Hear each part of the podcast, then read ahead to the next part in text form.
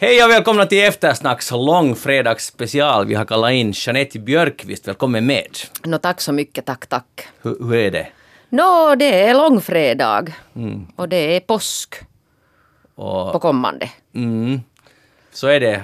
Annars är allt helt normalt, eller hur? Nå, inte riktigt, nej. Nej, inte riktigt. Det kan vi återkomma till. Jo, jag, jag, vi har orsak att återkomma. Pia-Maria Lehtola är inkallad, inkallad också idag. Välkommen med. Tack så mycket. Hur, hur står det till?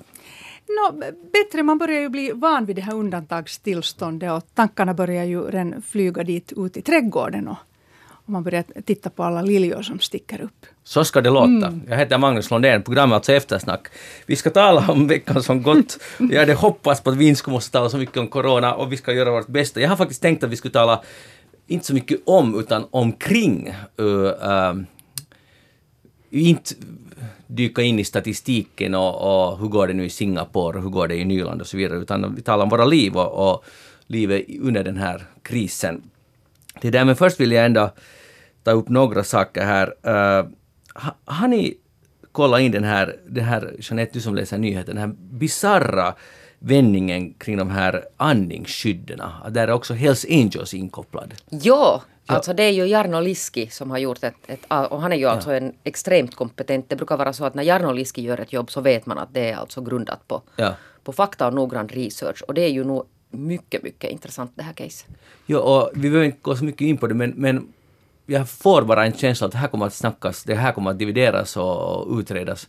När staten har beställt av någon, företag som har beställt av någon och nu är de i gräl och Hells Angels i Ja, alltså en plastikkirurgs sån här företagare, Tina Gyllhä är inblandad i det här och, och så vidare. Här måste man ju, det är alltid lätt att vara efterklok, men här kanske Sanna Marin hade en liten poäng, även om hon nu inte borde nu skylla på andra heller, vilket ingen borde göra just nu, men att det skulle vara bättre att ha de andningsskydden färdigt i beredskap. Eller hur? Nå, det skulle det ju förstås vara, men sen är det ju intressant det här för att det har ju då, alltså det handlar om, om flera hundratusen sådana här importerade andningsskydd som då tydligen inte uppfyller kriterierna, men de är nu i alla fall köpta av staten via alltså sådana här underliga modeller som, som nu faktiskt framstår som ganska märkliga. Jo, det, men det är synd att det här är inte, det, här, det är synd att det här är på riktigt, för annars skulle det vara en väldigt bra, rolig fars. Och, och, men det är ju ing, finns ju ingenting roligt i det här, men att bisarrt är det. Sen vill jag bara säga att i Brexit Storbritannien, så igår läste jag att åtta läkare då, eh, har dött. Nu råkar det, de har en sak gemensamt, de är alla immigranter. De är från Egypten, Indien, Nigeria, Pakistan, Sri Lanka och Sudan. Det här är det landet som, det där det är så viktigt att vi ska få stänga gränserna annars också och det där och slippa omvärlden eh, i och med Brexit alltså tänkte jag. Och här hade de nu åtta läkare som hade kommit dit och gav nu sitt liv för, det, för att ta hand om sina medborgare. Uh, Pia-Maria hade någon kommentar kring det här. Ja, alltså det där är ju så smärtsamt. Smärtsamma nyheter. Just de här nyheterna är de som, som smärtar allra mest. För att där blir den här liksom offermentaliteten och de, som offrar sitt eget liv för det här. Det där jag tänkte faktiskt, en av våra huvudteman skulle vara påven. Det är nu trots allt långfredag och det där, han har gett en intervju, eller var det, var det en intervju eller var det en på palmsöndag? Men det spelar inte så stor roll. Han sa i alla fall att, att det där, att det här är naturens på ett sätt naturens rop på hjälp. Han kan inte säga att det är naturens hämnd, men i alla fall är det ett, natur, ett svar från naturen på det liv vi har levt här på jorden. Och det där, därför är jag glad Pia-Maria att du är här. Du är en stor fan av Francis, Franciscus, eller hur? Ja, absolut. Och, och det är långfredag. Allt är upplagt nu för en, ditt svar till påven. Um, Det är intressant, jag har en god vän, hon är akvarellkonstnärinna, en äldre, äldre dam. Och, Eh, jag träffade henne här just då när, när den här coronapandemin hade blivit ett faktum. Och då sa hon att hon har en teori att det handlar om miasma. Ett sånt 1600-talsfenomen där man förr i tiden trodde att alla sjukdomar egentligen finns i, i atmosfären. Och hon tyckte att eftersom vi har haft så konstiga väder så tror hon att de här bakterierna och viruserna lever i, i det här vädret och, och, och sprider sig på något sätt via det här. Sen kom ju den moderna läkekonsten och, och vetenskapen och eh, kullkastade den här teorin. Och då blev det 1700-1800-talet började man då tänka på att det är ju faktiskt bakterier och virus som finns i människan och inte i atmosfären. Men hennes teori om miasma fick mig att börja läsa om den här miasmateorin då som, som florerar 16, 16, 16 och 1700-talet. Um, ehm, och till, till miljön, jo, alltså det är ju tudelat för att vi har ju läst fakta om att um, det här också kan bli svårt för klimatet att det här är bara nu en sån här, vi ser alltså nu en sån här reflektion av hur det borde vara. Alltså att det är renare luft, renare vatten. Eh, och jag skulle vilja också tänka att det är en rening på många olika plan. Det är en rening för jordklotet, det är en rening för oss i våra konsumtionsvanor, i vårt sätt att umgås. Att nu saknar vi den fysiska närheten som vi egentligen hela tiden har skjutit ifrån oss via våra mobiltelefoner. Och vi har ju levt eh, egentligen i en tid där vi har upplevt oss vara odödliga och på något sätt immateriella och eteriska eftersom vi är så mycket i den virtuella världen. Men det här är memento mori nu som vi möter, alltså det här att vi är dödliga. Vi, är, vi, är, vi kan själv dö, vi är vad heter det, fysiska varelser. Livet är begränsat. Så på det sättet är det här tycker jag också en påminnelse. Men till påven, jag tror på det här att, att, att allt har en mening och att den här, det kan vara en sorts liksom väckarklocka, alltså en konkret väckarklocka. Jag tror att vi alla är chockerade över det här, hur det liksom ändå eskalerar och hur det plötsligt bara förändrades. Och sen, sen att det ändå är ett virus som är ganska okontrollerbart. Mm. Jeanette, när du hör ett sånt här uttalande som påven säger, att det här är naturens svar, så tänker du i de banorna? Nej, jag tänker på det där var, var, man nu tror att det här har uppstått och det är ju alltså sådana ganska gräsliga djurmarknader i mm. delvis Kina men de finns ju alltså i flera andra asiatiska länder också. Så, så, så på något sätt det där, inte vet jag naturens, men det där den här alltså hur man brutalt utnyttjar djur så kan sen också leda alltså till det här. Det är ju så mm. som att titta, man tittar på sån här djurrättsaktivism. Mm. För att det, det, det, det lär ju alltså vara där som det har startat. Det är mm. smutsigt och det är obehagligt. Jo, det finns ju massa konspirationsteorier som är ganska, eller inte bara lite, utan helt totalt strunt. Uh, och vi ska inte gå in på dem, utan det där är den här sannolika via, vad det nu, via fladdermöss, via den här ena djuret som heter något kott någonting, som ser ut som en grankotte, eller är det tallkotte? Nåja, i alla fall, och, och sen den vägen sen till människor. Men, men, men Pia-Maria, ännu, ännu om det här med naturen. Hur, för för det, det låter, jag skulle säga att när påven säger det här, så, så min liksom, instinkt är också att just ja, att det ligger nog någonting i det där. Men sen om man börjar tänka, det är ju inte, det är för det första inte så där supervetenskapligt att säga, för att naturen har väl inte en egen kraft på det sättet att, alltså naturen är mäktig, alla avgudar naturen och så vidare, men att kan naturen, det, det, man får, det får låta som om naturen skulle ha en vilja i det avseendet att nu ska vi det här är nu vårt svar till er. Men det, det finns ju naturlagar, lagen om homeostas till exempel, den här jämviktslagen mm. som ska finnas i kroppen när man är frisk och, och också i världsalltet. Jämvikten. Och nu ser vi ju till exempel att, att oljekatastroferna och, och föroreningen har, har lett till att fåglar dör. Okej, när vi ser en, en fågel indränkt i olja, klart att det påverkar vårt känsloliv också. Så på det sättet är vi ju också, jordklotet är ju också en så, så kallad psykofysisk helhet. Att vi får inte förringa känslorna. Att människan är ju ganska på det sättet dum att, att vi det är ofta liksom, vi får gå via misstag, försök och misstag. Mm. Att där, där är vi lite primitiva ännu.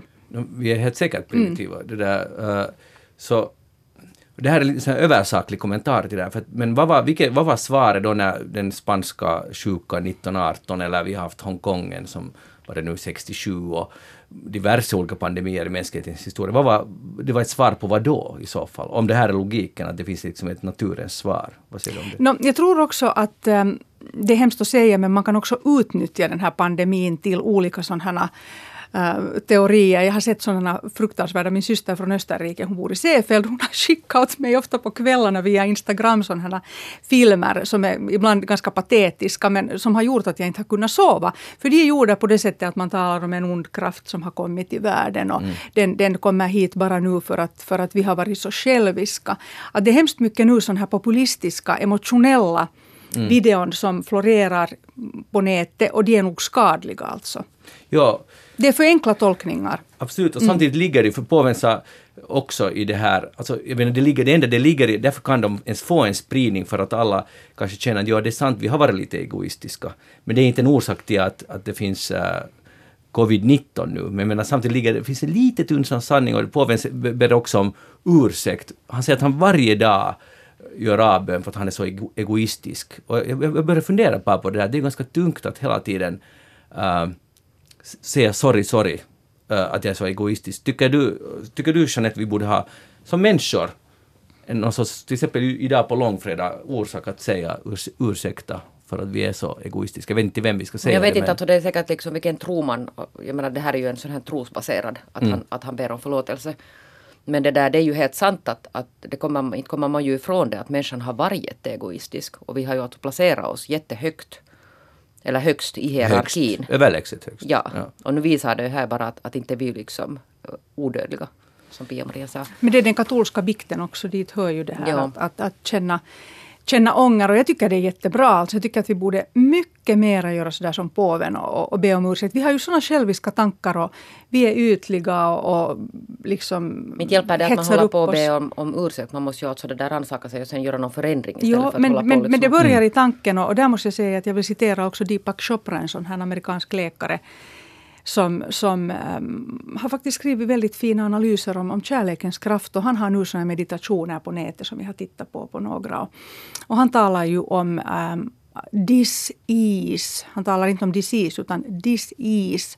Då menar han att um, det är också en rädsla i den här processen nu. Att, att vi, vi är inne i en sån global rädsleprocess.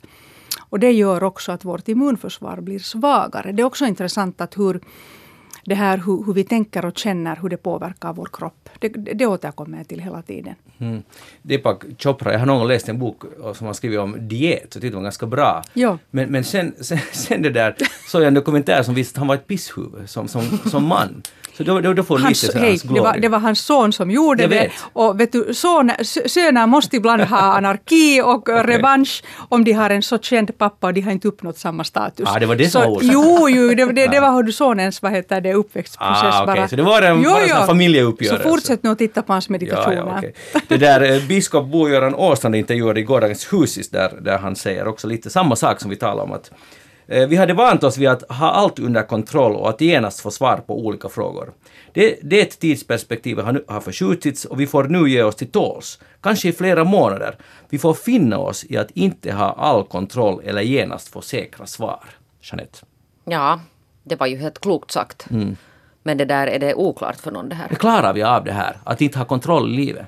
Nå det där, mm, jag är ju en sån här kaosmänniska att, mm. att jag har ju inte problem med det här att tappa kontrollen. Tvärtom så tycker jag om alltså sådana oförutsägbara saker sådär till vardags. Ja, inte covid-19 men Men inte covid-19. Men jag menar sådär överlag så, så tycker jag ju liksom, ja, livet handlar ju om det att du kan inte ha kontroll och hela den här liksom trygghetsnarkomanin som det har skrivits böcker om och liksom vad det har ja. gjort alltså med den här västerländska människan. Och Tove Jansson har ju också skrivit om det att det då, då, när det är osäkert så är det som mysigast eller hur det nu var. jo, ja. vilket alltså fortfarande inte för att den här covid-19 kan ju vara ganska irriterande ändå sådär. Mm. Pivar, är du en kontrollmänniska? Mm, intressant. Jag är ju nog alltså, vad heter det, i, i viss form nog en perfektionist. Aha och, och, och pedant just i stilfrågor och färgfrågor och sånt Det är ju inte samma som kontroll. Alltså. Men det, det, det, det, det är de är nog kusiner. De är, ja. nog, ja, de är nog lite där, ja. Och, och sen, ja, jag är nog lite jag är också hypokondrisk av mig. Så att jag är Oj, ganska, nu lever du i trevliga tider då. Jo, jo, jag, och sen är jag också matematiker. Jag var, hade bra, bra mattehuvud när jag var i skolan. Och, och därför också så är jag nog ganska systematisk egentligen. Så att egentligen trivs jag. Det är hemskt att säga men det här med de här handtvättningsritualerna, det, det finns en charm i det också. Men alltså är du på riktigt hypokondriker så det här måste ju vara ganska jobbigt? Eller är det, är det tvärtom så det här som de säger att alla de som har varit, gått och varit oroliga hela tiden, de klarar den här krisen bäst för nu är de rustade. Det här är ju helt normalt tycker en, en som alltid oroar sig. Det var, jag läste en sån analys. Känner du igen dig i det här eller gör dig det här ännu mer orolig än du annars har varit? Om du har varit hypokondriker? Mm, no, jag skulle säga att, att det väcker barndomsminnen i mig. Till exempel när min lillasyster fick äm, rör i öronen då på 80-talet så när man hade um, um, öroninflammationer så opererar man in små plaströr i öronen. Jag vet inte hur det är nu för tiden. Men jag kommer ihåg att när hon kom hem från sin operation från sjukhuset så svimmade jag. Så att jag, jag, har, jag har alltså en, en ganska stark inlevelseförmåga och empati.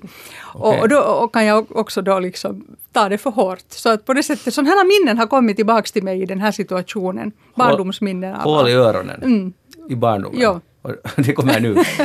Okej, just det. Um, saken klar. Det där, uh, Jeanette, det är ju fantastiskt på det sättet. Det är det som är det, vad ska vi kalla det, lömska, att i den här elände och den här krisen så finns det ju massor av goda nyheter. Och vilket, och man, man skäms ju att man kan njuta av den, bli glada för den, för det finns inte på det sättet hemskt stor orsak ändå att vara glad, men när, när jag läser om New Delhi, att man ser blå himmel i New Delhi, och när jag råkar vara där, inte många dagar, men det var ju helt horribelt, alltså sådär luftföroreningsmässigt sett. Och nu är människor Åh, vi ser himlen, eller, eller det var från Nepal så ser man Himalayas på 20 kilometers håll, det har man inte kunnat göra tidigare. Eller var det nu i Nepal, ja, var det i, whatever. Men, men i alla fall att, att här finns många sådana här goda saker som kommer ut ur det här. Det är, vi är ju inte de enda som har konstaterat, det finns också i privatlivet alla möjliga insikter man plötsligt får. Uh, blir du glad när du läser Jo, sån här det är klart att jag blir glad och sen hoppas jag bara att när det gäller alltså just till exempel klimat och, och miljö, att det här då att och sen skulle på något sätt liksom utmynna i insikter om att vi kan inte återgå sen och framförallt så kan vi inte alltså återgå till liksom ännu värre sätt att, att förbruka, förbruka det här jordklotet. Men nu har jag ju sån här liten känsla av att, att, att så kommer inte att ske. Men i bästa fall kan det ju till exempel, skulle vi kunna hoppas att, att det här leder alltså till, till någon slags alltså förändringar som är, som är bra för klimatet. För att det har vi ju fortfarande, det har vi lite glömt bort att vi har alltså ett, ett annat stort, större och mera allvarligt och, och långvarigt problem. Precis. Och det kommer inte gå bort heller. Nej. Det där. Men jag tror att, att eh, och bara inte tror och hoppas framförallt, att det som det här kommer att leda till att resande blir mera en jättefin sak som man kan göra en gång i året om man nu har pengar. Och jobbresande, det här att, vet ni att, hej jag får på möte till Stockholm, jag flyger av och an idag. Att det, det måste ju slopas, det är ju, det är ju galenskap. Jag har själv gjort det någon gång. Och, och det är ju liksom inte klokt. Och nu tror jag att att det kommer att skippa, men folk säger hej, jag kan vara hemma lika bra, vi kan ha det möte via eh, nätet och så vidare, eh, Zoom eller vad- alla de här tjänsterna. Eh, så, så, däremot så tror jag att resande är väldigt viktigt för att kulturer måste mötas och eh, man måste se hur andra har det och andra måste komma hit och se hur vi har det. Men det kan bli mer en, en, en lyx på, i det avseendet, inte bara, det kan inte bara ekonomisk lyx utan en lyx att man planerar, nu ska jag göra den här stora, jag ska ta tåget till Österrike nästa sommar och så är det den grejen man gör. Och annars så håller man sig i sitt eget land. Pia-Maria, kan det här stämma? Ja, jag tror på det där faktiskt också. Eh, Och jag poängterar att det är väldigt viktigt med kulturutbyte och sen att, att också någon gång resa för att människan blir ju själv en annan människa Ja. efter en resa. Att det påverkar ju det här immateriella också och, och människans utveckling. Eh, Men sen vill jag ännu påpeka om det här att människ, människosläkte, vi är ganska sådana ensaks personer. Att, att det ryms alltid bara liksom ett problem eller e- ett drama. Jag skulle vilja komma bort från det här dramatiska tänkandet där vi journalister nog också tyvärr är, är boven i drama. Att, ähm, m- Mera, mera ähm, l- blodtrycket ner, inte hetsa upp sig utan alltid ha förnuft, kunskap, äh, lugn och tröst. Journalister kan också dämpa ibland sitt behov av att, att vara, vara dramatiserande. Men, men som sagt, jag är lite orolig för det här att, att kommer vi sen när det här är över att, att eh, igen hoppa in i, i, i samma rullor, så som Jeanette sa här. Att, att det har vi ju märkt att, att då när det var skogsbränder så plötsligt blev vi trötta på det. Vi orkar inte sen mera prata om det och göra någonting för den sakens skull. Men nu tror jag att vi måste börja tänka om och, och förnuft, mera, mera förnuft och mindre dramatik. Ja, det har jag som jag har undrat, kommer det att ha sen någon sån här följder? För nu går man ju omkring och är rädd för varandra. Mm. Det är sådär som att varje medmänniska är någon sån här potentiell coronabomb. Vilket är alltså helt galet när man tänker. Det är ju helt alltså sinnessjukt hur man går omkring och liksom tror på något sätt att det vilar liksom en massa coronafaror överallt. Och faran är alltid hos andra. Jo, exakt.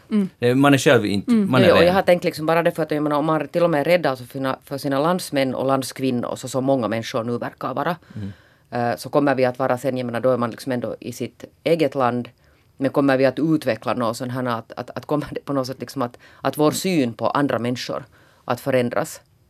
Jo, det där är en jätteskrämmande tanke och jag hoppas verkligen det, det där inte blir kontentan av det här. Och, sen man, och ibland blir man lite orolig, man kan ju ta en titt på sin Twitter-feed till exempel. Ja. Så, så då blir jag orolig. Vissa politiska partier eller vissa krafter, den här rädslan som man försöker sprida. Och jag, jag kan faktiskt inte begripa, speciellt i dessa tider, ska vi ännu mer blåsa under det här misstänksamheten och rädslan och, och för de andra. Och, när det borde vara helt tvärtom. Och sen det andra som jag har märkt som jag tycker är fruktansvärt. Skadeglädjen om någon som man inte tycker om har insjuknat. Det tycker jag är så fruktansvärt. För det handlar om ett mänskligt lidande och, och en sjukdom. Det kan vara faktiskt fruktansvärt för en människa att ha en, en, en hemsk lunginflammation. Så att um, det jag- tycker jag är hemskt också. Jag tror att eh, om man skulle gå och rannsaka den skadeglädjen så den är, den är ju inte liksom he- hemskt saklig. Men jag tror att den är så här, man tycker att det, någon kan tycka att det är bra att man får en liten eh, corona, men sen om man, bör, om man faktiskt skulle börja tänka på vad det är, att man får inte luft, det är ju helt fruktansvärt den där, de där som har det värst. Och, och därför, jag håller helt med dig, man kan inte tänka de där tankarna, eller om man tänker det så måste man tänka vidare, vänta, så vad tänkte jag just?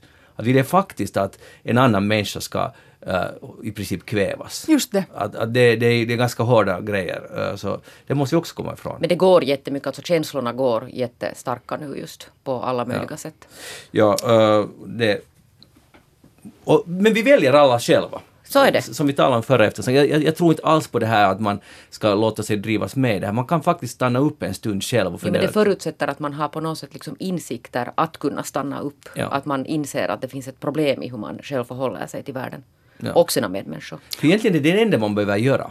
Istället för att ange andra och vara misstänksam. Det enda man behöver tänka på sina egna tankar, att vänta, funkar jag nu riktigt bra? Och sen att tvätta sina händer. Jag, jag tycker att egentligen behöver man inte göra så mycket annat än det här. För vi kan inte göra det så mycket mer. Sen kan man stärka sitt immunförsvar med positiva tankar och, och, och lugn och meditation och pressa fast apelsinjuice eller dricka lingonsmoothie.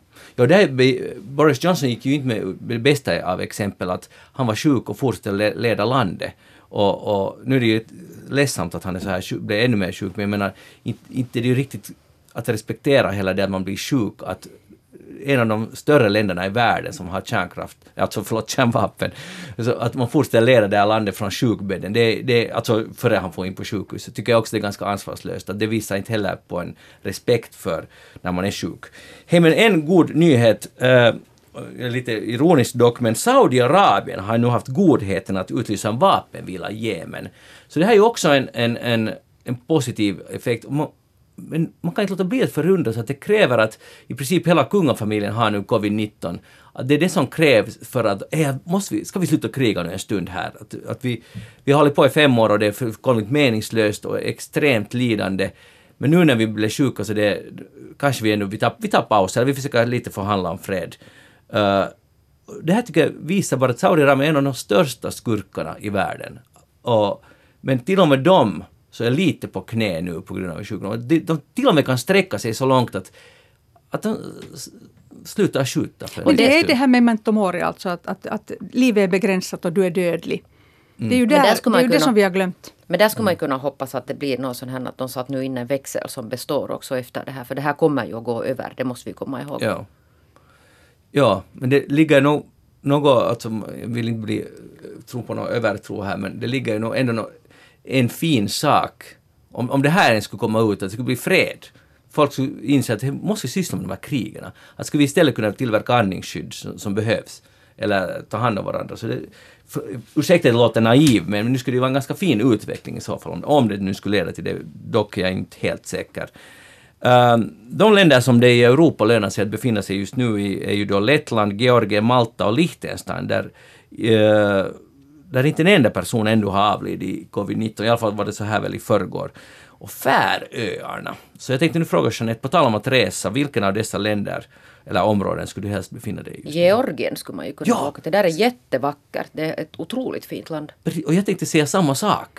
Det är mitt favoritland. Ja. Och, och, så jag har bara varit där en gång och då var där krig. Ah. Så jag var där alltså och rapporterade om kriget. Men jag minns alltså när jag flög in, alltså jag har flugit ganska mycket i mitt liv. Förlåt, Ja. förlåt miljön och hela världen.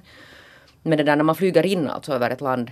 Och jag har sett många länder, alltså jag har anlänt till många, många, många länder. Men Georgien, där var alltså något jättespeciellt när man kommer och ser det alltså uppifrån. Det är helt otroligt alltså. Det är fantastiskt vackert. Men Jeanette, det är på något sätt typiskt dig att, att du hyllar Georgien. Det, det vad du har sett, eh, berg från luften och sen kriget. No, ja, men, nej, nej, men inte var det ju krig överallt alltså. Det är ju aldrig krig nej. överallt. Utan nej. det var ju nog annat också. Sen var det ju underbara människor. Jag träffade helt fantastiska alltså människor som, ja. som blev fixare och vänner och liksom allting. Och sen har de ju Borjomi, det här mineralvattnet. No, ja, no, det missade jag faktiskt då, men det har jag ju lyckligtvis, tack Magnus Lundén, fått bekanta mig med via dig. Pia-Maria, vilka av de här länderna skulle du välja? Kan du säga ännu vilka det var? Lettland, mm. Georgien, som då två röster mm. redan getts till, Malta och Liechtenstein och sen Färöarna. Och Lettland är ju också, måste jag säga, ett jättekiva land. Mm. Oj, synd att inte Armenien var där, för dit skulle jag mm. vilja resa. Hur är det med Armeniens läge? Jag vet inte, men Armenien är nog ett fint land. De är mm. lite, de är arga på sina grannar. Tänk om det här nu skulle leda alltså till Azerba, mot Azerbajdzjan. Mm. Kanske det här skulle leda till en djupare förståelse. Jag, jag betvivlar det. För men, men Georgien är också nog intressant. Det finns säkert fin arkitektur och fina människor. Och Lettland har vacker arkitektur. Jag mm. kanske lite röstar på Lettland också, så att inte alla röstar nu på Georgien. Okay. Och kanske lite Liechtenstein också. Liechtenstein, så här skatteparadis och mm. skida lite slalom. Lite, lite intressant att, forska där lite hur, hurant samhällssystem de har. Jo, det är jätteproggressivt och det, det är sådär men, men väldigt nu, modernt på alla Men nu sa du alltså att de har inte haft ett enda dödsfall men har de alltså någon sån här utbredd smitta där eller? No, Färöarna eh, har fått hyllning för att det var någon veterinär, någon forskare som istället för att testa om laxen är sjuk så har man testat otroligt mycket människor, 10 procent av befolkningen har testats och varenda en som har blivit smittad har man kunnat uh, tracka att vem har du varit i kontakt med och isolera dem och det har fixat sig. Mm. Det här är alltså, det går helt uh, 184 har testat positivt och av dem är 131 helt och hållet liksom, återställda. Så de har, men jag tror inte att det skulle vara läge nu för oss att fara dit för vi skulle säkert inte bli insläppta. Så att det där. Och vi skulle inte heller bli utsläppta. Nej, och då tycker jag nog att vi har det helt bra alltså här i Finland. Ja. Det är sommar på kommande. Exakt, det är en viktig sak att komma ihåg. Eh, jag ville diskutera vägen tillbaka. Vägen tillbaka alltså efter eh, det här värsta är över. Och, och det som, vad man längtar efter. Jag läste en kolumn i australiska Guardian då, där en skribent skrev en ganska fin eh, kolumn om, om just det här om vägen, vägen tillbaka, om, om se människor på en restaurang, att kunna röra dem, att kunna träffa sina föräldrar eller andra släktingar, vänner, kunna umgås, gå på konserter, gå på bibliotek, eh, uh, bara vara på stan, gå på krog. Allt det här. Och när jag läste det blev jag helt, oh, det, är, det här man längtar efter. Att det, och hur, allt det vi har tagit helt som självklart, hej jag går på byschen nu, så, så det, det är borta. Och hur mycket man egentligen behöver det. Att kunna se andra människor och just som jag sa, röra dem. Vad längtar ni till? När jag har tittat på bilder just av, av folk som sitter på ett café eller på en uteservering eller restaurang. Alltså det där att man tittar att herregud vad de sitter nära varandra. Ja. Och det är ju en mm. chock liksom på något sätt det där att, att oj oj oj. Men det är ju nog det man längtar efter att till exempel sitta med sin egen mamma eller pappa i, i deras trädgård och dricka kaffe och, och, och diskutera och inte behöva vara rädd och, och, tänka att oj två meter borde jag ha nu till dem. Och, mm, det där liksom närheten. Alltså nu mm. träffar man ju sina egna barn. Det gör man ju och äter middag med dem och så här. Men, men det här att det är ju ändå begränsat. Mm. Jo, och det här alltså det där vi hade ju sån här, vi har en sån här påsktradition att, att jag bjuder alltid mina singelvänner. Alltså vi firar jul tillsammans och sen firar vi påsk tillsammans. Och nu höll jag ju på Eva så att men nu kan, vi ha, att nu kan vi ha den här festen. Att ingen av oss är i riskgruppen. Det är ett stort hus där vi finns. Och, det där, eh, och man kommer inte om, om man känner sig sjuk. Och så blev det ju så att det visade sig att alla hade liksom drabbats av lite sån här hispighet. Mm. Och sen liksom backa en ut och sen backa annan och sen insåg vi att vi måste nu ta det här ansvaret och bara säga att okej okay, att vi blåser av den här. Och det är liksom jättesmärtsamt för mig mm. det här att, att det där mista den här, den här. Och jag försökte ännu söka, jag sökte liksom information. Att ingen har ju sagt att man inte får det där träffas hemma och THL hade gett det där någon någon instruktion att, att man skulle nu i princip ha kunnat ordna alltså hemma något släktkalas om inte där skulle delta människor som är över 70 och allt det här försökte jag. Jag sa till min kompis att men kom nu liksom. Mm. Och, och, nu har vi då tvingats inse att, att vi måste skjuta på det här och det är jättejobbigt alltså för mig det här att inte kunna ha mina vänner, alltså nära omkring mig, liksom vara tillsammans med dem. Och sen saknar jag ju, jag, jag vill att skolorna öppnar igen. Mm jag, jag, jag, tycker det är jättejobbigt att skolan är stängd. Ja, och jag, jag förstår det och jag håller helt med. Och det är därför man skulle önska att det skulle finnas en det skulle jag kanske önska av, av vår regering, att det skulle finnas en väg tillbaka. Alltså det skulle vara så här tydlighet i kommunikationen. Att, till exempel skulle det hjälpa hemskt mycket om de skulle säga vi strävar efter att öppna skolorna före, att det ska inte vara först i augusti som de ses igen, utan vår målsättning är och vi, om vi alla nu så att säga beter oss så ska den öppna ännu i maj så att de ens får umgås mm. några veckor tillsammans i skolan. Absolut. Att, att, att den här tydligheten skulle jag vilja och, och, och nu, nu kom det, Sanna Marin sa väl i onsdags att ja, sannolikt ska Nyland öppnas och det tycker jag äntligen kom det en sån här, det är liksom, det är på riktigt det vi försöker och vi hoppas på. Jag förstår att de hoppas det, men de borde kommunicera det. Alltså det där hoppet är hemskt viktigt och, och med skolorna så det är också extremt viktigt. Uh, och nu, det enda vi har att luta oss tillbaka på är Norge och Danmark som har signalerat att de kommer börja öppna i slutet av april. Uh, börja med de lägre klasserna och sen stiger de uppåt. Ja, sen har vi Sverige, alltså exempel där de, där de har nu gjort sin egen linje och, ja. inte stängt skolorna. Alltså bland annat med den motiveringen att, att, att, att de, alltså de skrider till åtgärder bara om det liksom bevisligen leder någon vart, inte för säkerhets skull. Ja. Och, det där, och, och jag följde med en sån här diskussion, alltså Anu Silverberg som jobbar på Longplay, så hon frågade på, på Facebook efter källorna till beslutet att stänga skolor. Mm. Alltså att vad exakt alltså baserar det här sig på. Mm. Och så kom det en massa alltså länkar till, till tidningsartiklar som har skrivit och uttalanden. Men ingen kunde alltså spåra, spåra liksom tillbaka till den här källan att exakt vad är det, alltså vilken information är det man har alltså gjort det här beslutet på då någon gång i mars som sen alltså har uppdaterats. Alltså jag menar den här liksom hela läget med den här barns roll i det här mm. är ju inte alltså helt, den är ju inte liksom oomtvistad. Nej. Och jag tror själv att det någon kommer att visa att det var ett enormt politiskt tryck alltså från oppositionen. Och de ville inte, och förstås alltså tänker de ju på hälsan, jag, det, jag betvivlar inte alls det, men, men att den här effekten av skolorna, eller av stängningen av Nyland, så kan man nog också i alla fall i viss mån ifrågasätta. Alltså Nylands gräns, vad var det, det var över 40 000 fortfarande varje dag och 139 blev avvisade häromdagen. Och nu har de ju lättat dessutom på de här, den ja. här, de här vaktposterna. Ja, det har de och det kan jag förstå för det kräver så mycket resurser men jag menar att det far fortfarande över så mycket över gränsen varje dag av så kallad nödvändig trafik. Så det är inte en karantän. Men det, det, det, är en del som vi, folk kan inte åka till sina stugor eller åka till butiker på andra sidan. Vi, såklart minskar det på trafiken, men ändå är den enorm den här trafiken. Så att, uh, att ha den effekt. Ja, och sen alltså det att det finns ju alltså fall också utanför Nyland. Nu hade vi det här äldreboende någonstans i, i mellersta Finland där, där äldre hade insjuknat. Det har ingenting, alltså ingen koppling med Nyland. Att det är på något sätt så att, att vi kan inte stoppa det här i Finland med att stänga av Nyland. Och, men vi får ju lita på att, att det här baserar sig på någon ja, så, så måste det ju vara. Att mm. de, de har nu liksom, det är klart att de har adekvat information och, och gör det här för att de anser att det är bäst jag menar, det är ju lätt att sitta här och, och, kritisera och ingen har ju facit på handen och ingen vet liksom vem gjorde rätt och vem gjorde fel. Ja. Gjorde Sverige till exempel rätt? Det vet vi ju inte heller, det vet vi först senare. Ja. Men skolorna och den här tydligheten, tycker du Pia-Maria att uh, regeringen har varit tydlig i sin information?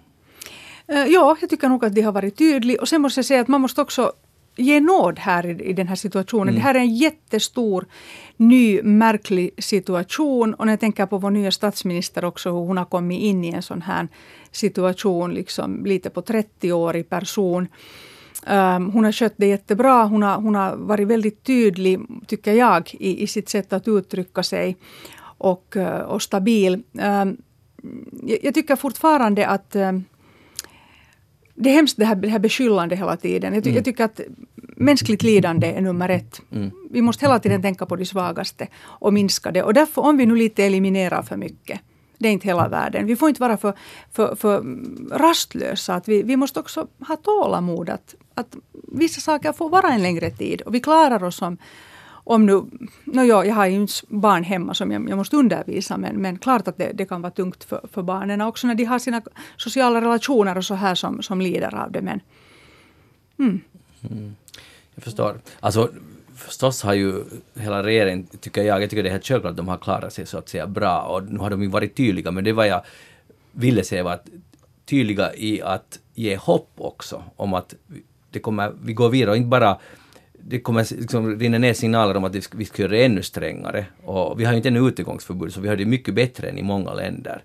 Uh, vi kan vara Fast utomhus. det, fast det ligger ju på bordet nu också, alltså sådana här ännu strängare Det åtgärder. ligger. Och jag fick bara sån här, jag kände liksom hur på något sätt mitt hjärta liksom bara, att jag orkar inte mer, att nu liksom, att, att jag tycker redan att det det liksom, jag tror att vi kan, man tar, alltså människor tar det här på olika sätt. Det finns alltså, jag har också följt med sådana här trådar där, där folk på något sätt ventilerar och säger att, att, äh, att det här är ju helt bra, man kan umgås på, på sociala medier och man kan prata i telefonen och, och på något sätt sen, jag menar om man är lite introvert lagd, vilket jag alltså också på ett sätt är alltså att jag är sån här liksom mest introvert och sen lite extrovert också.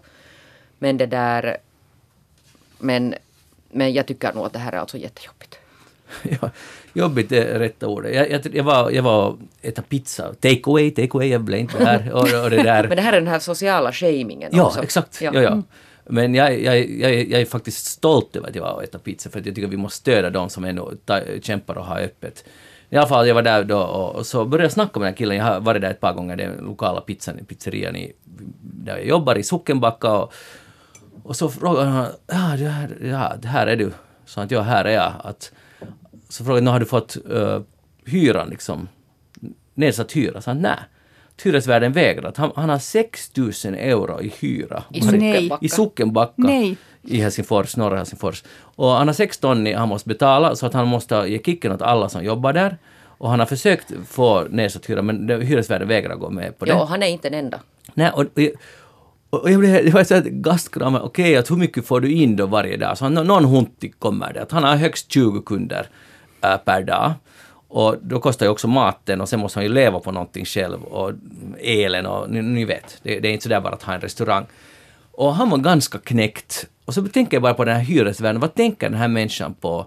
Och, Men okej, vet du om det är ett stort bolag eller om det är någon sån här mindre Nej, jag, jag, nästa gång ska jag lite fråga lite mer, för jag blir lite nyfiken. Uh, men det kan ju vara att den personen också har jätteknepigt uh, ekonomiskt. Och det har den säkert, men 6 000 euro är ganska mycket alltså. Det är ganska mycket. Och grejen är den att där tänker man fel. Man tänker kortsiktigt som hyresvärd. Att Man tänker att hej, jag får 16 per månad. Men om han går i konkurs, så det är en tragedi för han som går i konkurs. Och sen är det också för den här hyresvärden, för sen han kommer inte få det uthyrt på minst ett halvår för ingen, ja, jag ska starta en restaurang i coronatider. Alltså det kommer, han får inga fyrk sen. Nej, och det har ju många alltså, hyresvärdar insett, alltså de som har på något sätt sådana här ekonomiska möjligheter, de, inte alla, de här stora företagen har jag förstått att inte alltså har dumma en bit alltså på sin, de kräver alltså samma.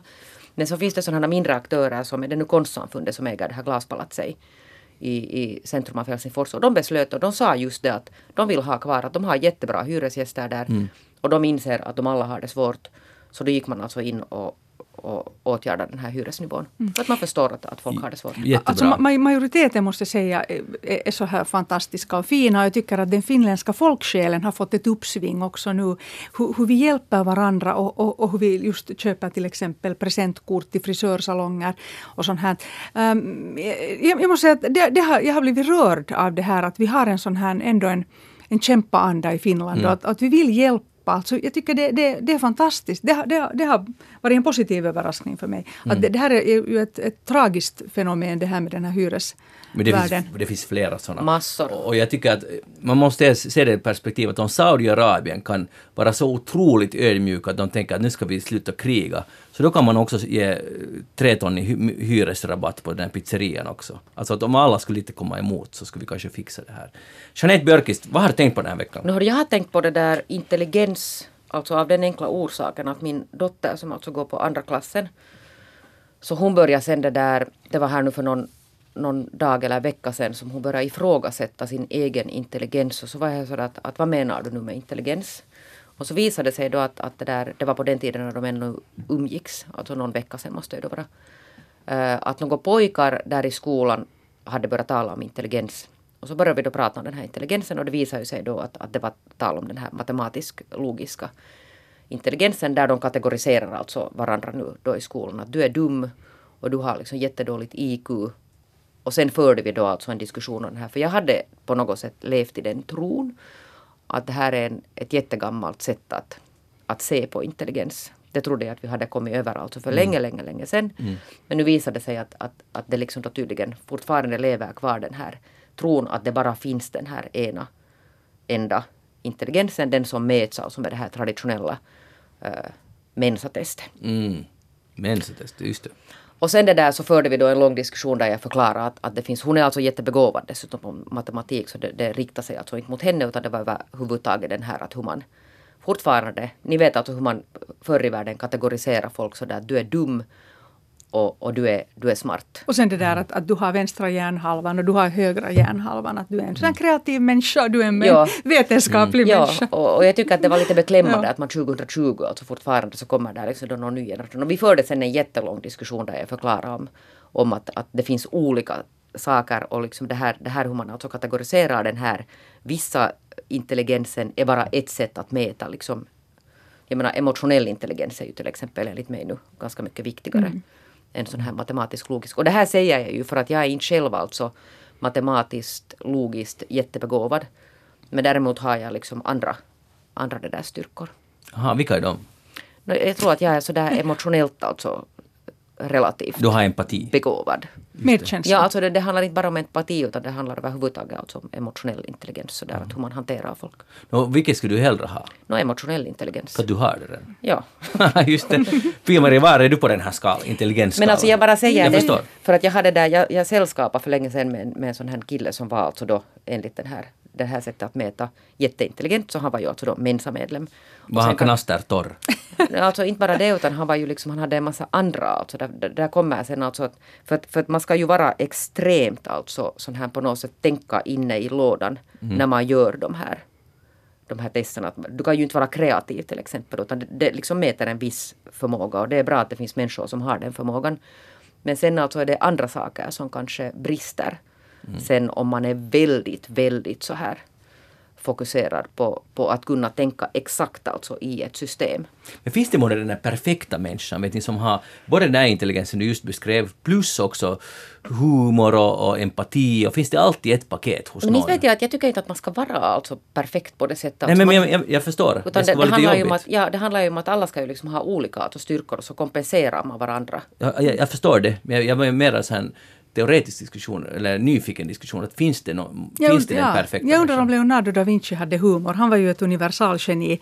Ja. Och, och, han hade ju den här liksom konstnärliga sidan, den här praktiska sidan, proportionerna och sen liksom också just matematiskt och estetiskt i alla hans de här, de här konstverken. Och han var ju alltså ett universalgeni, alltså begåvad på många Men var han trevlig? Ja. Det var Desidu, det vet vi ju inte hurdana vitsar han berättade. Jo, eller var han sen jättesjälvcentrerad och det finns ju många sådana här defekter man kan få nog av sådana, att vara så att säga perfekt. Att, men sen mm, mm. stiger det lite i huvudet. Och, och sen det som ju är fruktansvärt är, är, människor som har det här kontrollbehovet och är väldigt intelligenta. Uh, och då, då, kan de ju också ibland uh, förstöra stämningen på grund av att de börjar detaljerat och kritisera någonting. Och då blir det ju inga diskussioner för det finns ju alltid då den här besserwisser-mentaliteten mm. och den här kontroll kontrollmakten där som den här personen då tror sig besitta. Men det är ju egentligen, då är man en ganska liten själ för att jag tycker att, att det att du, du godkänner att det finns olika sorters personligheter. Personer som är till exempel väldigt praktiska och har ett fantastiskt eh, sätt att göra hantverk. Kan göra en svepask så att den ser ut som en, en helt, vad skulle jag säga, som ett smycke. Ni vet de här, de här mm. svepaskarna som man, som man gjorde i, i träslöjd. Så att um, mångfalden och sen beundran. Vi behövs ju, alla behövs ju. Mm. Bra! Mm. Just så där är det. Och jag, och när, om ni vill veta hur jag är, så jag ja. är alltså en matematiker. Jag älskar system och matematik och det hör också ihop med min estetik, att jag är noggrann med färger och nyanser och, och, och hur någonting ser ut när jag kombinerar till exempel föremål i mitt hem och hur jag klär mig. Så det, det är nog en sorts kombination av matematik och estetik. Men månne du skulle klara alltså höga poäng på en sån här IQ, alltså den här traditionella mensatestet? Jag har aldrig faktiskt gjort det. Skulle du vilja göra det? Kanske inte. Nej, mm. sanningen kan vara hemsk. Mm. Och sen tycker jag att den där emotionella intelligensen är så mycket viktigare och det är att du har medkänsla till dig själv och till andra. Och förlåtelsen, att du kan förlåta dig själv, du kan förlåta andra, tolerera misstag. Det här mm. klassiska exemplet att den vackraste österländska handknutna mattan ska alltid ha ett fel. Ja, sen har vi ju liksom de här, vet du, det finns ju musikalisk intelligens och det finns liksom alla möjliga sådana andra saker som är extremt viktiga. Att nu skulle ju världen vara tråkig om vi alla skulle vara så det här matematiskt, naturvetenskapligt, Och, logiska. och det som är ljuvligt är att du kan beundra andra människor som har en egenskap som du inte har. Och då blir den där människan jätteintressant och fascinerande. Och då, då blir det ju mera kärlek också i livet när du kan beundra andra människor som är olika. Magnus då? Vänta, en sak först. Att, att det, det är antagligen inte så lätt att vara superintelligent enligt den där eh, skalan som du just, den här så kall- som du kallar för klassiska skalan. För då måste man ju, om man är det, så inser man ju hur inom situationstecken korkade alla andra är. Och det måste vara ganska ensamt där på toppen. Ja. Och jag är inte alls ironisk. Utan, Nej, och jag utan, kan säga ja. att det var liksom med de, de alltså, möten jag har haft, alltså, det var inte bara den här min XXXX utan det, det, jag har träffat andra också. Det är nog lite just så. Ja. Att, att det är jättejobbigt när alla andra är dumma. Ja. Och jag menar om man till exempel då inte värderar andra alltså egenskaper än det att man kan tänka alltså precis. Mm, det är just det. Aj, hurra jag, uh, no, jag, är nog, jag skulle klara mig nog ganska dåligt i en mensatest. Jag har no, några, några sådana figurer som man ska koppla Ja, man ska ihop. pluppa dem där. Det är de här Ja, alltså och jag blir helt att vad är det här för löjligt? För man inte direkt förstår dem. Och ändå tycker jag att jag är ganska matematisk själv. Jag diggar absolut matematik. Men de, mä, alltså, de mäter alltså det att kan du alltså på något sätt sortera Logiskt in dig ja. alltså i det här. Ja. Och det där, jag skulle ju ha kunnat, alltså, om man skulle kunna göra ett sånt här test och jag skulle kunna förklara att varför var det jag så. Men man får inte vara, förstår ni det där, man får inte tänka själv där utan man måste på något sätt liksom, Ja. man får inte vara kreativ alltså på någon nivå för att klara sig i de här. Men det är det att man tycker ju alltid det som man själv på något sätt tycker att man själv besitter, liksom vi just talade med dig, så tycker man det är viktigt. Jag tycker till exempel att humor hos en människa är jätteviktigt och självironi. Jag tycker det är helt superviktigt. Uh, bara för att jag åtminstone tror att jag har det själv. Men det är ju inte, man, man kan ju bedöma en sån sak själv, men det tycker jag är minst lika viktigt som att vara superintelligent. Det är avväpnande. Ja. Och, och, och att Och det tillåter misstag också. Ja. Man kan skratta åt dem. Ja, och sen är det ju ingen är verkligen inte perfekt där heller, men att, men att ja, så att äh, empati är nog extremt viktigt. Om vi nu tittar på världen idag, speciellt idag, så är ju empati extremt viktigt. Samtidigt behöver vi mänskligheten superintelligenta människor också. Jo, någon, någon som ska räkna ut hur ska vi fixa det här rent på matematiska grunder eller på något, hitta lösningar. Det finns ju allt möjligt. Så det, allt, någon av er sa att all, alla behövs. Och det, det här skulle vara den, egentligen den viktigaste insikten väl att Och att man inte ska alltså kategorisera alltså människor, liksom sätta dem i någon sån här nivåskala Ja. beroende på vem som alltså kan vad. Exakt Men sen har vi det civiliserade beteende också, moralen och etiken och allt det här som, som kan hjälpa en intelligent människa också att styra sina gåvor rätt. Mm. Förutsatt att den här lyssnar. Det är just det. Men Pia-Maria Lehtula, vad har du tänkt på den här veckan? Nå, jag har gått tillbaka till, till 80-talets trender Jaha. i inredning och hemliv. Vänta, vänta, vänta. Nu Oj, får- oj, oj, oj. Vänta, stopp, du får Det var just... video. Jeanette, har du någon aning om hur såg ett hem ut på 80-talet? Men jag har ju levt på 80-talet. Ja, ja, jag har Var det inte sådana bruna, bruna soffor? Nej, det var nog 70-talet. Aha. Okej. Och det här kanske på gränsen 80-90-tal, jag, eh, ja faktiskt närmare, ja slutet av 80-talet, början av 90-talet, cocooning och nesting. Kommer ni ihåg en sån här Nej. trend? Nej. Nå, Never alltså, heard. alltså det fanns ju en sån här trendguru, eller det fanns två, Fate Popcorn. Varför då? Är det ett ljuvligt namn? Fate Popcorn. F- Som Fate. alltid, Fate Popcorn, ja. Som alltid vad heter det, förutspådde trender. Och sen Li Edelkort som fortfarande är väldigt aktiv, en holländsk kvinna. Jag har träffat henne. Um, och eh, då, då var den här trenden alltså cocooning och nesting. Alltså att du, du gjorde en kokong av ditt hem och, och du, du, du njöt där och hade mjuka material, dynor och växter. Och, och liksom det här att man, att man byggde ett bo och lite så här blev introvert i sitt hem. Och nu tycker jag att det här är ju nu det vad vi håller på med just nu. Nu är vi hemma, vi är mycket hemma och vi kanske, jag har, jag har förstått, jag har talat med min väninna som, är, som jobbar på en, en inredningsfirma. Hon sa att folk renoverar som galningar just nu. Det hamras och det byts kök just på grund av att man är hemma. Man vill förändra, man är uttråkad på det, det, det hur det har sett ut när man har bara varit på, på stan och på fältet och jobbat. Men nu så ser vi på hemmet med nya ögon. Eh, En annan intressant detalj är ju det att när vi har de här videomötena, eller de här, de här konferenserna, så, så då ser man ju människor i deras hemmiljö. Och då visas ju också en del av den här personen upp i de, i de, de, här, de här situationerna. Och eh, det gör ju också att man får en annan bild av en person. Det är inte bara den offentliga bilden utan det, det är liksom den här människan i sitt hem och man kan höra hur dens partner till exempel kokar kaffe i bakgrunden eller ett barn kastar in en handduk där på, på stolen. Eh, Men det som jag vill komma, komma fram till är mitt tips nu när man är mycket hemma och håller på med cocooning och nesting. Eh, Skapa ett altare i ditt hem. Ett altare. Ja. Och Magnus, din min. Ja, ja, det var guld värd. Jag undrar vad det betyder. alltså jag vet vad ett altare är. Ja, eh, altare, det behöver inte vara ett religiöst altare, Ja. men en liten, liten, ett litet hörn eller en liten skänk eller ett litet bord som du sätter något symbolmättade, laddade saker, till exempel från din släkt eller från skogen eller från din barndom. Och så, så hyllar du på något sätt allt det vad de här föremålen symboliserar.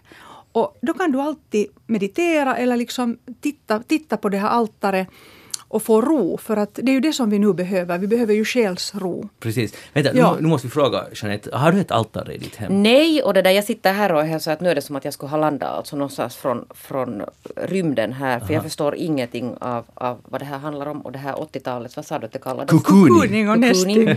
Och det där, nu måste jag ju vara en sån här äcklig människa att jag genast säger att det handlar ju alltså, det, här, det där är ju också en sån här fenomen som är lite knutet till alltså det där omständigheter. Att det, där, det är ju lite beroende på, jag kan säga att vårt 80-tal, m- mitt hem var inte någonting där man kukuna sig. Alltså någonting utan det var ju lite annat slags liv. Eh, och samma nu för att nu har jag ju snurrat alltså omkring, jag har gjort ett stort reportage om de som inte har något hem. Det vill säga att det är lite sån här att okej om man har liksom den här möjligheten så kanske man kan hålla på med sånt här men det finns jättemånga som inte har. Och Men, men ska liksom man inte syssla, ska man inte syssla med cocooning men det är klart man inte kan alla göra, kan syssla det kan, Nej, det är klart man kan göra det alltså man har, men det finns jättemånga som inte har, har de här möjligheterna. Men det där why not, alltså den som känner, känner för att laga ett altare. Jag är alltså verkligen inte en sån person. Men, men, men, men Jeanette, nu ska vi tänka, vi ska ta oss nu, Pia-Maria sitter ju här och har gett ett gott råd. Så om du skulle ha ett altare, vad skulle du sätta där?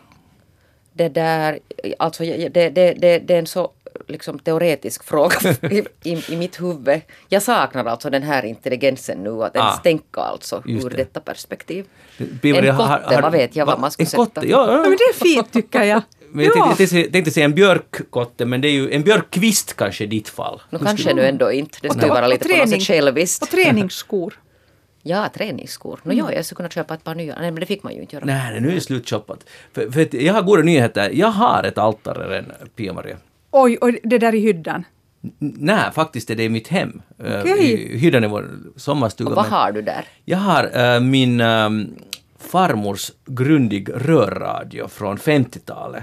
Som är en ikonisk sak. Och den står på en, en möbel där, som innehåller en massa LP-skivor som också är från, jag skulle påstå det är också från min farmors hem, så en rund möbel som, som är också från 50-talet. Och den här rörradion har just utrustat med två nya hög, bashögtalare där inne, så ljudet är ännu bättre än det var avsett att vara på 50-talet. Så man får alltså jag äger vårt hem med min rörradio. Och, Okej. och till och med mina söner har uttryckt viss, liksom, att de är på visst sätt imponerade av den här gamla enorma maskinen. För jag tycker att radio är bäst och rörradio är ännu bättre. Att det är liksom den där, så som det ska vara. Dit kommer världen in och där finns, vet ni, det står Kiev och så står det London och så står det alla de här stora europeiska orterna. Det symboliserar väldigt mycket dig. Ja, jag sa ju att jag har ett altare. Ja, fantastiskt. Men du har är- inte förstått det tidigare. Nej, men det var just. Nå ja. Du måste vara med här Ja, det det, hör du. För att berätta Ja. det åt mig. Men vad Ja. har du på ditt? Du? Jag har mitt altare i Hange och det är en sån här eh, ju- jugendbyrå, eh, ganska sliten, mörkgrön, jag kall, brukar kalla det för jugendgrön. Eh, På den har jag en spegel, sen har jag biskvitporslin, änglar, madonnastatyer från slutet av 1800-talet, vissa inhandlade i Frankrike, i Alsace-området. Sen finns det fattigmanssilvers ljusstakar. Allt det här? Allt det här. Alltså hur stort är ditt altare? Det är som en liten sån här skänk.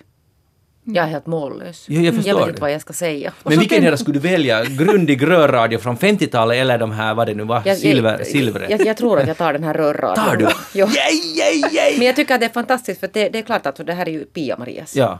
Och jag tänder ljus oftast där när jag, när jag anländer till Hangö. Så sätter jag ett ljus att brinna och så får jag själsro. Men Pia-Maria har en egen själ, det är helt enkelt så. Jo, det vet vi. Det, men det, vet du vad som skulle vara ett ex, intressant experiment? Att du och jag skulle byta altare. Att du skulle få den här grundig eh, kolossen i ditt... Hur, skulle du kunna gå... Så, skulle du sova gott med ett sånt altare? Jo, för att jag har också gjort radioprogram sedan jag var sex år gammal, så att radion tilltalar nog mig också. Jag tror Ah, att det det här skulle skulle vara ja, så det skulle nog gå. Men det skulle vara intressantare sådär hur, hur det skulle gå för Magnus där inför ditt Ja, altare. ja, men jag tror nog att Magnus har ju sina franska rötter som jag ju alltid försöker Ja, men- odla här. Visst, visst ja, jag, jag, jag stöder dem så mycket jag kan varje dag. Men det här skulle nog bli lite svårt för mig, det här det altaret du beskrev. Det skulle vara för mycket pynjande och för mycket pittoreskt och, och... Men kanske om du skulle berätta om den där föremålens liksom historia, då skulle jag kanske kunna köpa det helt bra. Men jag skulle inte bara kunna importera ditt altare och nu går jag och godnatt, nu går jag och sova. Nej, jag måste veta mera. Det är just det att det ska vara personligt. Ja, det är det är det. viktigaste. Och så kan man vara utan sitt altare. Om man, om man inte är lagd för altare så får man. Jo, man får vara Ja, utan. ja. Huh, vilken konsensus! Alla har sitt eget altare, eller så har, eller så har man inget alls. Eh, snabb fråga, vad ska ni göra nu i påsk? Nå ja, hör du, nu, nu får ju min fest åt pipan men det där, vi ska nog vara med Mm. familjen där på, på, i huset i Barsund. Och I- kanske förlängda familjen också anländer. Men kan ni inte ha den där festen eh, på distans? Nej, vet du, jag, jag tänker inte, vet du, jag är inte en sån att jag har vet du, något fest där vet du, på skärmen. Jag ska ha mina människor Jag vet där bredvid mig. jag förstår det. Är alltså, jag, det tillfredsställer alltså inte mitt behov. Jag vill ha mina vänner fysiskt nära mig. Jo, jo, absolut. Men det är näst bäst. Jag har gjort, haft några sådana sessioner, det är helt okej. Nej, men Alltså jag- det är inte samma sak. Nej, det är inte samma sak. Men jag, jag, behöver, jag måste träffa. Jag, jag blir inte tillfredsställd av telefonsamtal eller video. Sådana. Ah. Det, det, det funkar inte. Och det, vi- jag hoppas att både du och vi alla andra snart, att det ska, läget ska vara sånt att vi kan återuppta det där att träffa människor. Pia-Maria, hur är din höst, äh, påsk? Påsk. Förlåt. Hör du hang i gamla villan med altare och familjen. Och sen ska jag göra min sedvanliga pascha, Maria Alfredovnas pascha. Det blir det är bra. min ritual. Vilken fin ritual. Och den ska vi inte ge upp bara för att det råkar vara lite kris i världen. Så hur viktigt är det för dig att upprätthålla, att hålla kvar vid sådana här traditioner trots den här tiden? Väldigt viktigt, väldigt viktigt. Och det är också viktigt för, för de egna barnen som är, som är vana vid att vi, vi gör vissa saker vid vissa, vissa högtider. Och, och sen det här just med, med Kom ihåg nu, det finns mycket vårblommor och påskblommor. Den kraft som man får också när man tittar på blommor är fantastisk. För det, det bådar om nytt liv, vår och sommar och, och det kan man ju inte inhibera. Naturen kommer ju med sin makt och hjälper oss. Så bra, kloka sista ord. Jeanette Björkqvist, det var fantastiskt att du var här. Glad påsk. Glad påsk till alla lyssnare. Pia-Maria Le- Lehtola, tack för att du var här med och delade med dig av ditt altare och Tack. mycket annat. Glad påsk! Glad påsk. Jag heter Magnus Lundén och eftersnack är slut för idag. Ni får gärna gå in på facebook.com eftersnack och diskutera under hela påsken. Och ni kan också e-posta oss på eftersnack.yle.fi eller ni kan gå in på arenan och lyssna på gamla avsnitt av, are, inte av arenan, utan eftersnack. Det finns hur, mycket, hur många avsnitt som helst att lyssna på. Så njut av det. Ha en glad och skön påsk och lugn. Vi hörs igen om en vecka. Tills dess, ha det bra. Hej då.